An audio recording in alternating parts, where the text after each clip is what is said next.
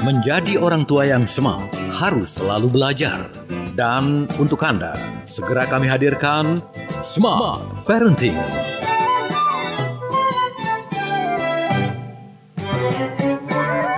Smart Parenting bersama Dr. Andida Meliala dan tim Resourceful Parenting Indonesia. Smart Parenting, Smart Parenting, harapan baru untuk generasi cerdas.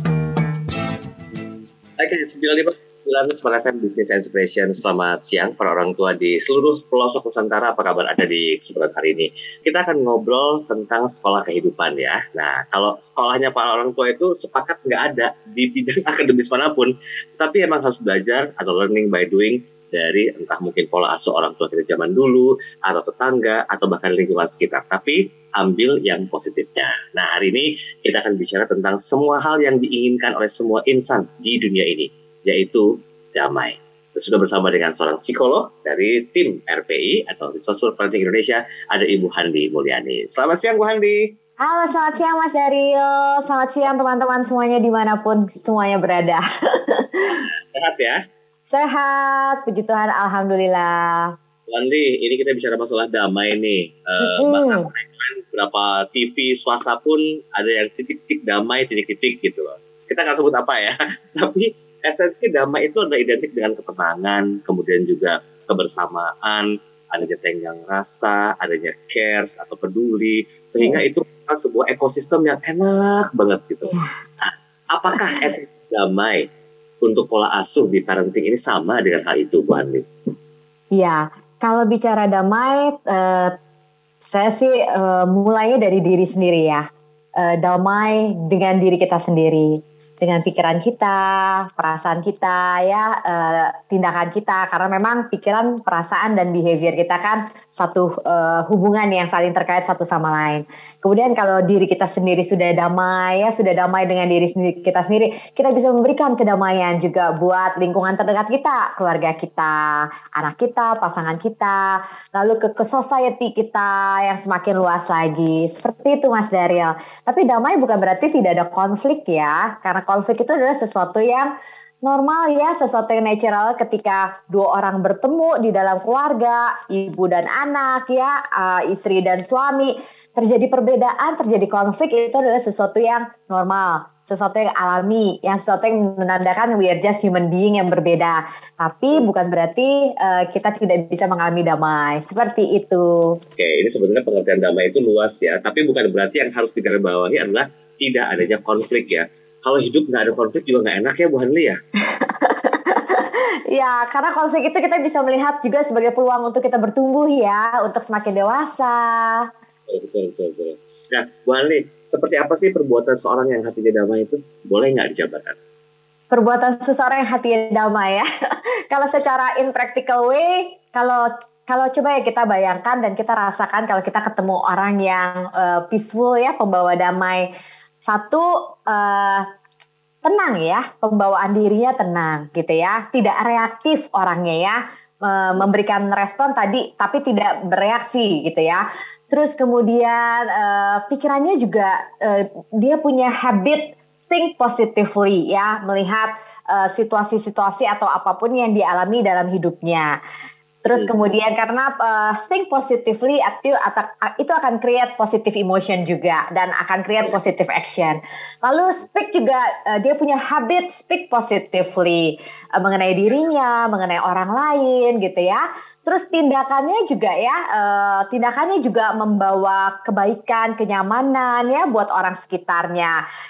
Seperti itu. Jadi di mana pun dia berada, meskipun itu ada konflik tapi dia berusaha membawa konflik itu menjadi sebuah perdamaian. Kan ada yang justru sebaliknya ya, nggak ada apa-apa ya. tapi kehadiran dia malah jadi ada apa-apa gitu ya.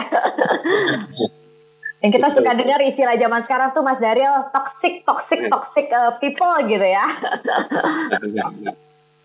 Oke baik, Bu Hanli, nanti kan kita akan coba bahas lebih jauh ya tentang uh, esensi damai dalam pola asuh dalam uh, apa namanya rumah tangga, keluarga sehingga anak-anak ini bisa mengerti gitu loh. Oh, damai itu seperti ini gitu loh. Walaupun kita harus sepakat kembali nih Bu Hanli bahwa damai itu bukan berarti nggak ada konflik atau permusuhan ya. Dalam artian ada kecil-kecil lah. Misalnya kakak sama adik itu berantem, terus habis itu udah damai lagi. Nah, esensi untuk menemukan hal itu yang kadang-kadang membuat kita tuh aduh gimana ya caranya diri mereka damai ya. Orang tuh berpikir keras loh untuk hal itu ya Bu Hanli. Punya hmm. pengalaman hmm. tentang hal itu Bu Hanli? oh iya. Ya, karena saya sendiri kan juga seorang ibu dari dua orang anak ya. Jadi uh, ada saat-saatnya si kakak dan adik, si kakak ini laki-laki, si adik perempuan, mereka berbeda pendapat ya. Dari intonasi suara yang uh, do jadi mi, jadi so, jadi si gitu kan. Lalu gimana kita uh, karena mereka berdua masih kanak-kanak ya, satu bahkan masih kelas 1 SD, satu uh, kelas 7. Artinya mereka uh, belum menjadi seorang pribadi dewasa yang matang gitu kan. Artinya dalam konflik yang cukup apa ya, uh, skala uh, scope konfliknya cukup uh, besar di antara mereka, itu kan perlu ya kehadiran kita orang tua untuk uh, apa ya, membawa kedamaian lagi di antara mereka ya e, mencari solusi antara mereka berdua seperti itu. Pernah terjadi pasti ya Mas Daryl itu sesuatu yang sangat human being tadi ya antara kakak dan adik juga. Baik baik. Kami akan segera kembali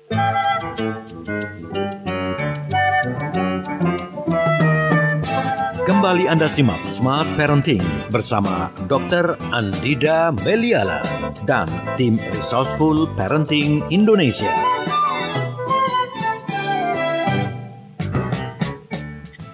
Oke, damai masih menjadi pokok pembahasan kita di program Smart Parenting bersama dengan Ibu Hanli Mulyani selaku psikolog dari tim RPI sendiri.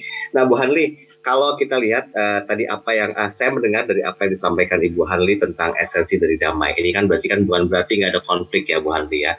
Nah, gimana sih sebetulnya uh, membuat sesuatu hal itu yang tadinya konflik di rumah nih misalnya antara putra putri itu menjadi sebuah kedamaian. Apa hal yang yang yang uh, perlu dilakukan sama orang tua Bu Hanli?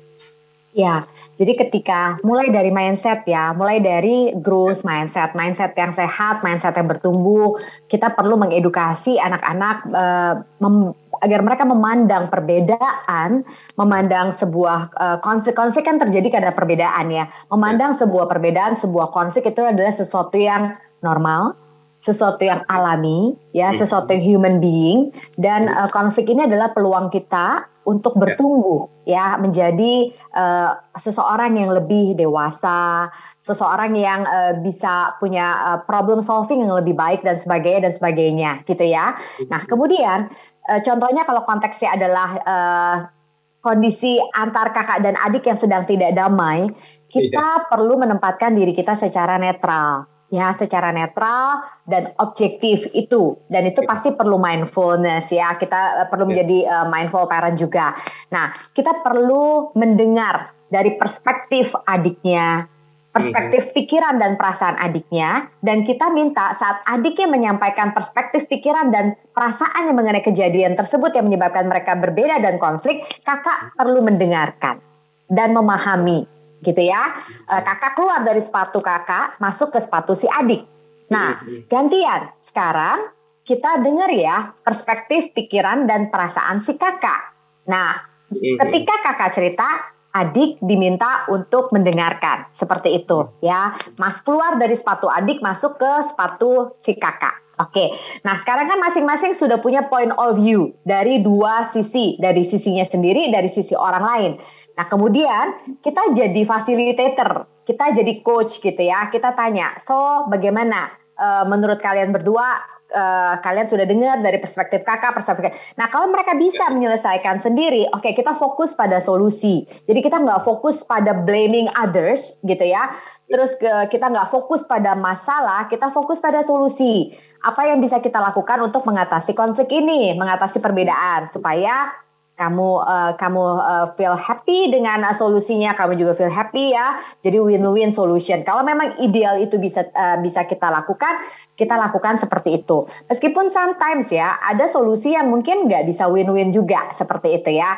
Uh, ya memang kita perlu terima bahwa itu sebagai suatu kebenaran ya, yang objektif seperti itu.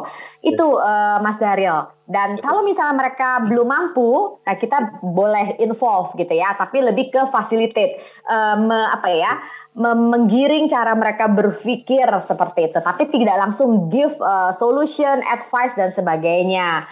Nah, Oke. sampai akhirnya mereka damai kembali. Ya. Orang tua itu sebagai coaching juga ya, sebagai coach juga iya. ya. Iya, iya, betul, betul. Hmm. Mm Tapi Karena kan sering kali ya. sih Bu Hanli, sorry saya potong Bu Hanli agak susah nggak sih kalau kalau kita coba untuk mengcoach kakak adik yang mungkin uh, mereka sering berseteru gitu ya, ya, belum menemukan kedamaian bahkan wah gontok-gontokannya masih kuat gitu. Nah gimana caranya Bu Hanli untuk agar agar satu-satu ini bisa menemukan satu uh, uh, prinsip kedamaian lah dengan coaching dari orang tuanya. Iya, kalau emotional temperatur mereka masih sangat wah ya uh, tinggi pada saat ya, itu, ya. kita nggak harus adakan percakapan pada saat itu, gitu ya. Mungkin kita bisa uh, sangat fleksibel ya, kita bisa separate session dengan uh, ngobrol dengan kakak dulu, ngobrol dengan adik nah. dulu, nanti kita pertemukan mereka. So many ways lah seperti itu, Mas Daryl.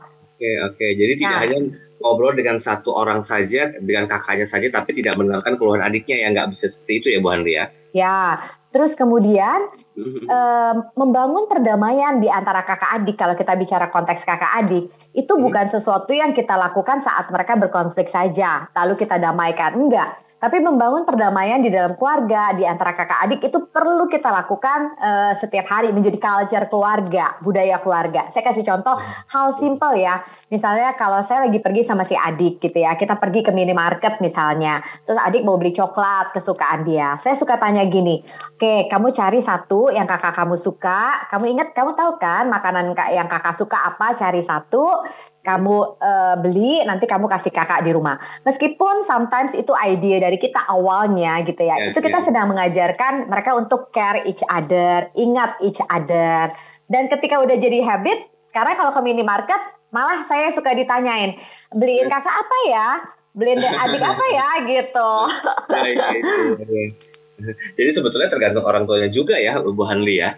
Iya, karena tanpa kita sengaja kita sadari orang tua justru uh, men-trigger uh, situasi competition permusuhan yang gak sehat di antara kakak dan adik, membandingkan atau ketika kita membandingkan, terus kemudian uh, ada pihak yang menjadi favorit, ada pihak yang menjadi tidak favorit gitu ya seperti itu dan itu kan sebenarnya memancing uh, permusuhan bukan perdamaian di antara kakak dan adik. Oke, karena tema kita hari ini adalah tentang damai ya. Damai itu adalah suasana hati yang mencitrakan keadaan seorang secara internal dan eksternal lewat perbuatannya. Oke, saya izin ke WhatsApp dulu ya, Bu Handi ya. Ya. Ini ada Ibu Nurul. Kalau Ibu Nurul bilang begini, selamat siang Bu Handi dan juga Mas Daril. Selamat siang. Nah, saya nanya, kalau seandainya damai itu memang bisa diciptakan oleh orang tua, ajarin Bu gimana caranya karena kakak dan adik uh, anak saya yang berusia uh, eh, 8 dan juga 6 tahun ini sering kali mereka berseru hanya gara-gara makanan si kakaknya doyan makan, adiknya juga sama-sama doyan makan,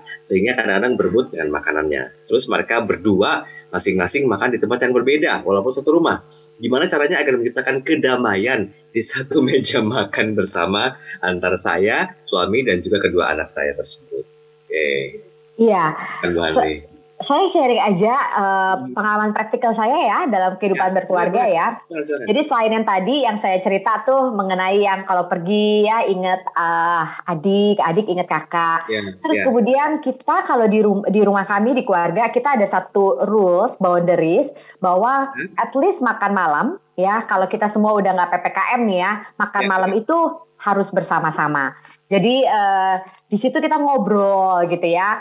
Terus kemudian uh, saya juga uh, dan uh, pasangan saya, suami saya, kita mengajarkan mendidik anak uh, untuk berbagi. Jadi misalnya gini ya, beli makanannya cuma satu gitu. Ini disukai dua-duanya. Jadi ketika beli saya bilang ini nggak cuma kamu sendiri ya, bagi dua gitu.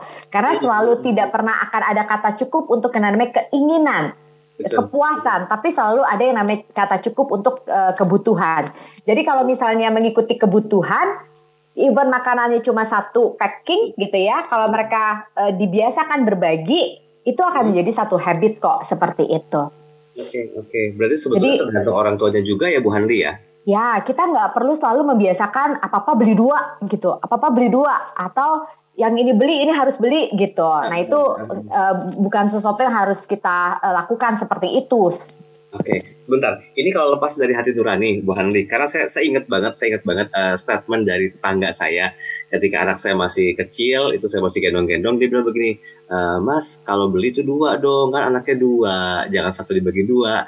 uh, ada sih kepikirannya, eh, iya ya bener ya masa satu dibagi dua sih, apa kenyangnya sih? Nah itu gimana Bu Hanli antara memanage keinginan dan juga apa yang disampaikan oleh Bu Hanli tadi, bagaimana secara profesional orang tua itu bisa melakukan hal itu?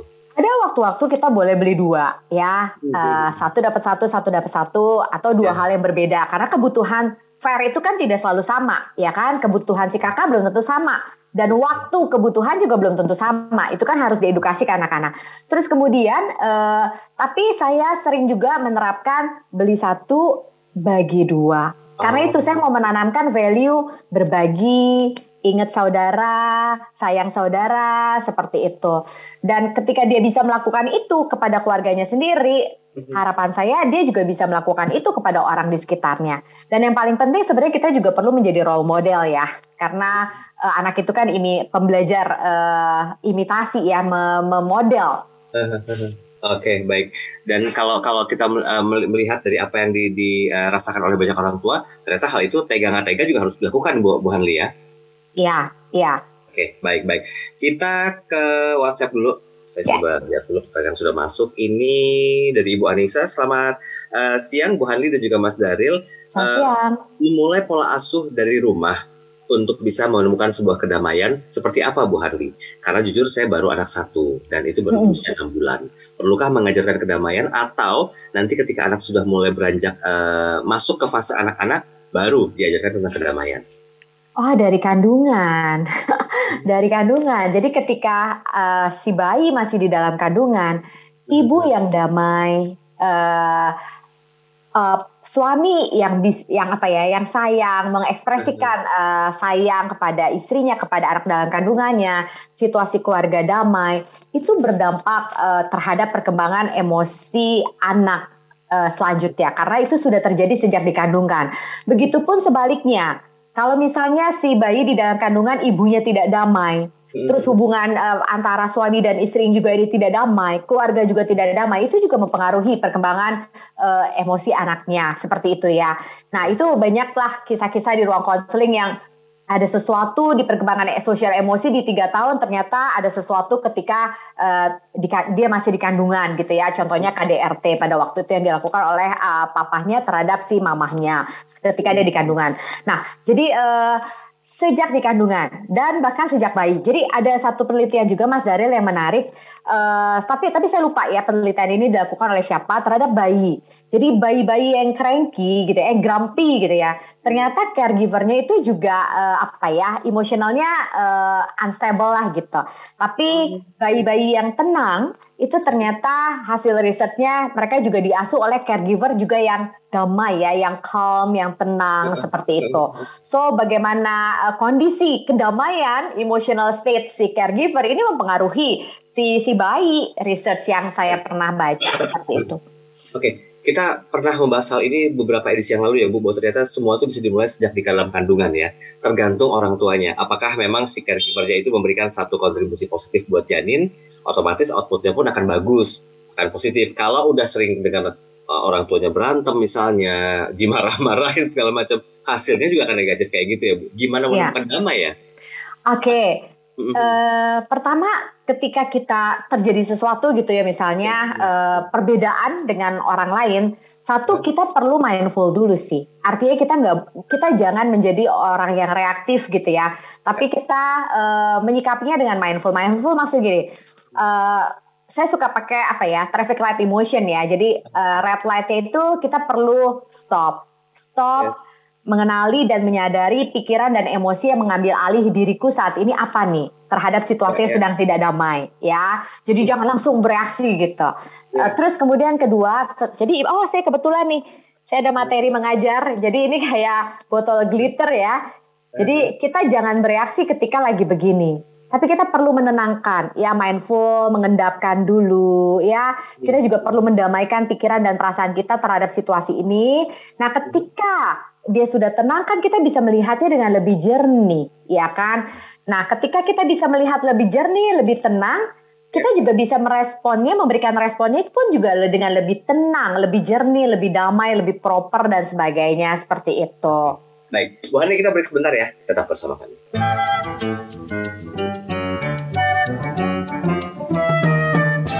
Kembali Anda simak Smart Parenting bersama Dr. Andida Meliala dan tim Resourceful Parenting Indonesia.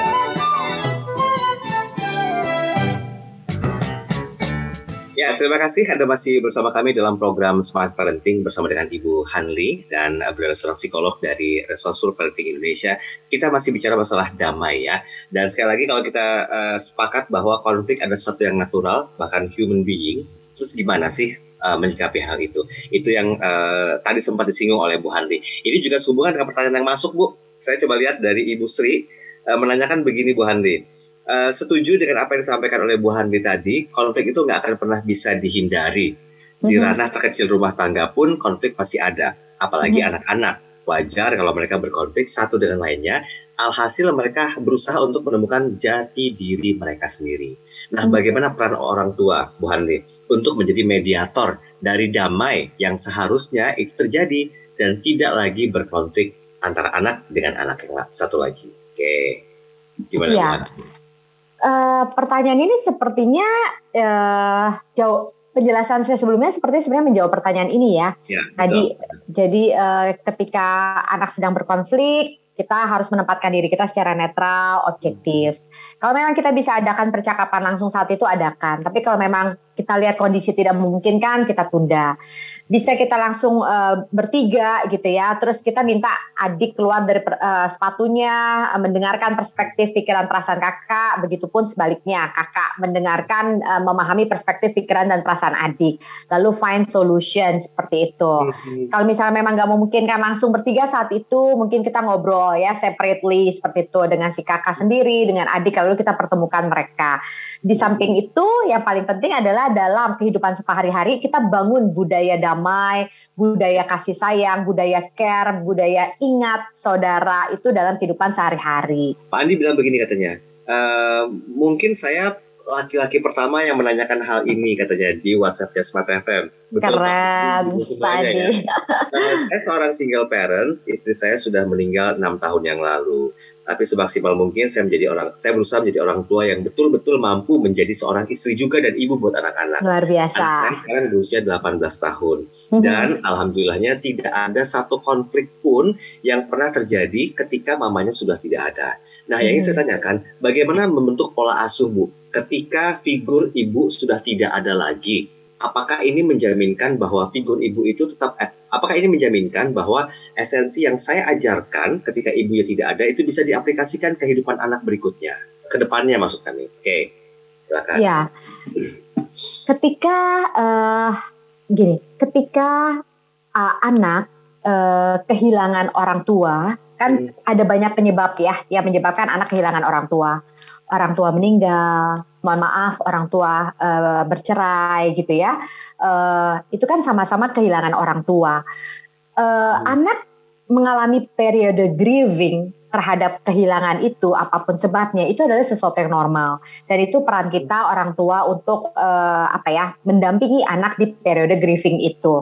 Nah, tapi menerima kenyataan bahwa orang tua men, uh, kehilangan orang tua karena meninggal itu mungkin uh, ya sama sakit ya, tapi kalau yang kami temui ya pada anak-anak dan remaja uh, rasanya lebih berat ketika dia mereka menem, uh, apa ya mendapatkan kenyataan kehilangan orang tua karena misalnya mohon maaf uh, ayahnya uh, memilih uh, uh, wanita yang lain, bukan ibunya sendiri. Ya, ya. Karena ternyata yang punya perasaan di, uh, di apa ya, mohon maaf, diselingkuhi itu bukan cuma si pasangan, tapi anak juga punya perasaan itu. Kok kayaknya lebih uh, apa ya, lebih uh, lebih penting si uh, tante itu ya daripada saya. Itu yang kami banyak hmm. temui, uh, dapatkan, dengarkan di ruang konseling.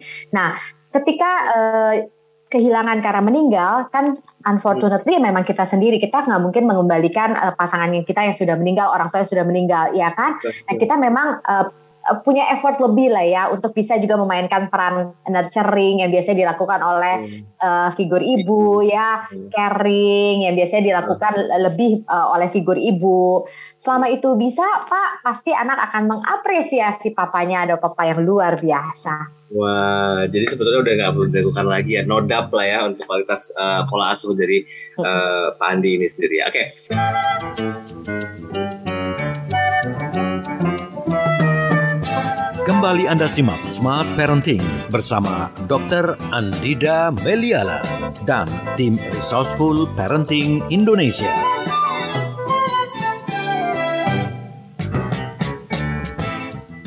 Ya, terima kasih Anda masih bersama kami dalam program Smart Parenting bersama dengan Ibu Handri Mulyani dan kita sudah sampai di sesi yang terakhir Bu Handri. Kita bicara Ah, masalah damai ya. ya. Berarti kan berarti kan emang benar-benar ini merupakan satu hal yang diinginkan oleh banyak orang. Walaupun kita harus sepakat dulu nih Bu Handri, mindsetnya itu damai bukan berarti nggak ada konflik ya. Karena kalau misalnya nggak ada konflik, damai nggak ketemu gitu loh. Setuju nggak Ya. Bu Handri? Atau atau atau terbalik eh, esensinya? Eh, yang kedua apa Mas Daryl? Uh, damai itu bukan berarti tidak ada konflik atau Betul. sebaliknya kalau konflik itu tidak ada damai ya nggak ketemu juga gitu loh Kalau konflik tidak ada damai, tapi kayaknya nggak mungkin nggak ada konflik deh Nggak dalam mungkin kehidupan. pasti ada konflik ya ini yang harus dipahami dulu gitu loh Nggak Konflik itu kan intinya perbedaan kan. Jadi Ya. ketika udah dua orang bertemu aja, tuh nggak mungkin nggak ada Berbeda. perbedaan. Benar benar apalagi anak sama kak- kakak sama adik lah misalnya Iya. konflik juga sering terjadi konflik antara mereka berebut makanan mainan lah misalnya baju lah segala macam sehingga peran orang tua ini sangat diperlukan nah kita mau melihat dari sisi orang tuanya bu bu Hanli Mm-mm, Uh, sedikit mm-mm. aja.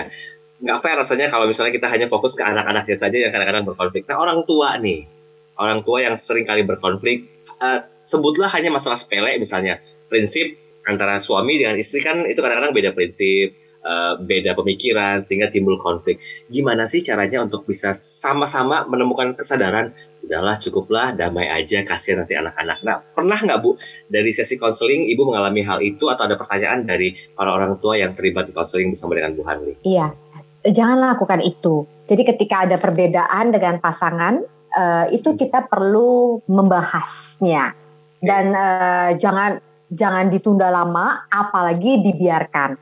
Itu kayak seperti kita sedang apa ya, membiarkan apa sih eh, bom waktu ya istilahnya Iya. kayak gitu ya. Dan eh, berikutnya di dalam keluarga itu tidak ada istilah yang mengalah ya. Maksudnya, udah saya mengalah aja, saya berkorban. Karena nanti kita akan reach the limit. Sehingga ketika kita udah reach the limit, waduh, malah jadi akan boom gitu ya. Jadi itu harus dibicarakan dengan keterbukaan pastinya.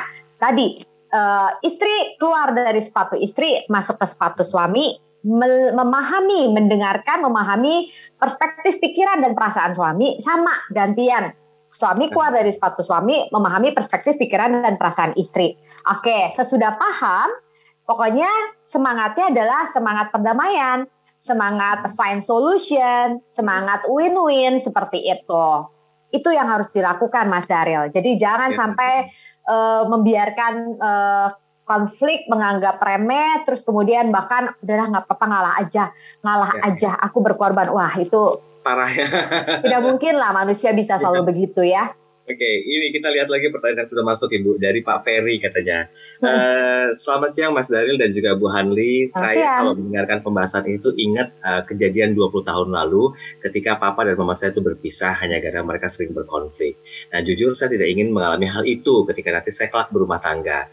Dan saat ini saya sudah punya tunangan dan saya selalu bilang eh, saya nggak mau terjadi hal yang terjadi sama diri saya ketika saya dulu masih kecil.